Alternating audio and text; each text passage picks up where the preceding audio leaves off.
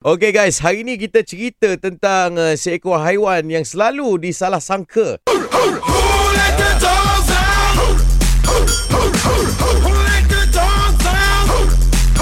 Yes, mungkin kita takut pasal kita tak kenal dia. Jadi hari ni kita nak berkenalan dengan anjing melalui cerita-cerita anda dengan anjing lah, dengan anjing. Ha.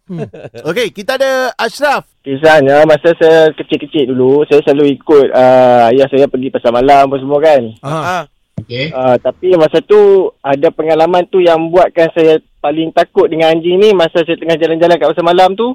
Ada anjing ikut belakang. Jadi saya tak perasan.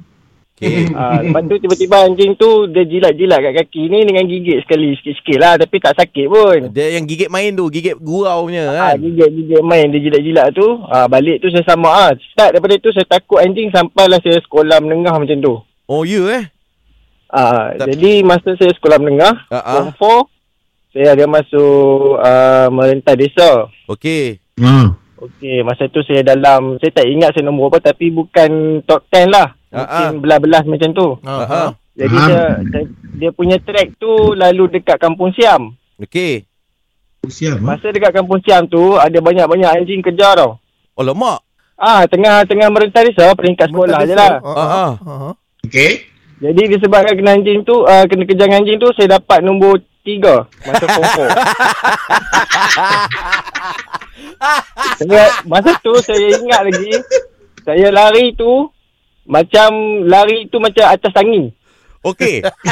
Lari atas angin. Itu menang nombor tiga ni. Anggaran awak Dapat. lah eh. Anggaran awak kan. Berapa jauh yang awak berlari sambil dikejar anjing tu? Sebab Oh, dia jauh. dia merentah Jauh. desa ni. Dia tak boleh nak pecut je. Penat. Nah, Betul, tapi betul, betul. jauh-jauh mana? Satu dua kilometer ke apa? Ush. Oh, masa tu saya tak terfikir lah. Tapi jauh lah eh. Sebab Aku lari takut tu- dengan anjing tu sampai Ah, lari pun sebab tak dia- ingat tu. uh, dia start bunyi tu, saya pusing belakang, tengok dah kejar ramai-ramai. Saya lari, tak tak toleh belakang lah. Tak tahu dapat nombor 3. Ah, masa form 5 tu saya dapat nombor 2. Hmm. Alhamdulillah bukan sebab anjing sebab usaha sendiri. Okey, okey. Yang ni. Sebab Alah.